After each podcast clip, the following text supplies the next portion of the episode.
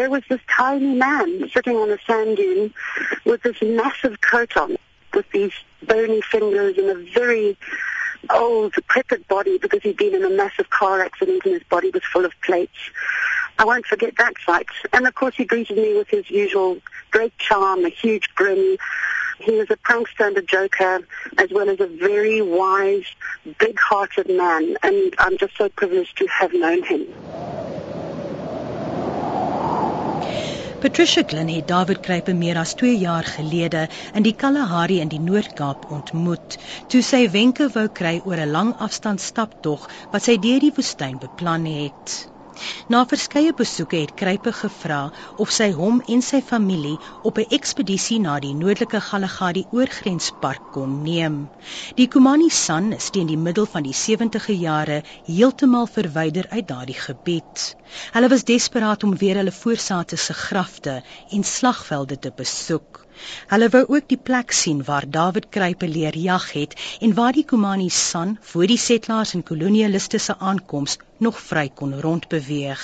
So last year I took Opa David and 13 members of his family spanning three generations back to these places and for 2 months we had this most extraordinary privilege of having a glimpse into a world which is all but gone, and also being entrusted with a secret that the Quakers have kept in the family for about a century now.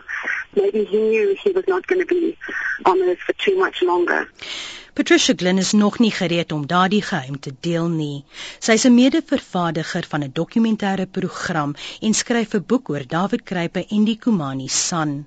Sy verduidelik wat Kruiper van haar boek gedink het en die emosies wat sy dood by haar ontlok het. He saw it as a way of getting some restitution and justice for the terrible things that have happened to him and this community and that at last his story would be told. So I felt deep regret that he wouldn't ever see that book. I felt rage that he died without more having been delivered to his community on the back of the land claim that they won in 1999 rage that they've been so neglected. Die 1999 Kumani San grondeis is waarskynlik die belangrikste nalatenskap van David Kruipe.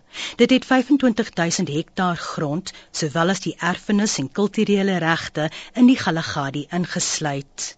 Hulle het ook 6 plase aan die buitewyke van die park gekry. David took his community from being landless vagrants to land ownership. He saw them through that terrible process, which was hugely stressful for him. He wasn't literate. He was a very naive man and gave too much trust to too many people and he was let down so badly so often during the land claim process. But I think that is particularly what he'll be remembered for. Klink verduidelik hoekom die Nama-sprekende David Kruipe verkies het om as 'n boesman in plaas van Khoisan bekend te staan. As far as they're concerned, san is a Nama word which has very pejorative meanings like dirty, filthy, stealing, thieving.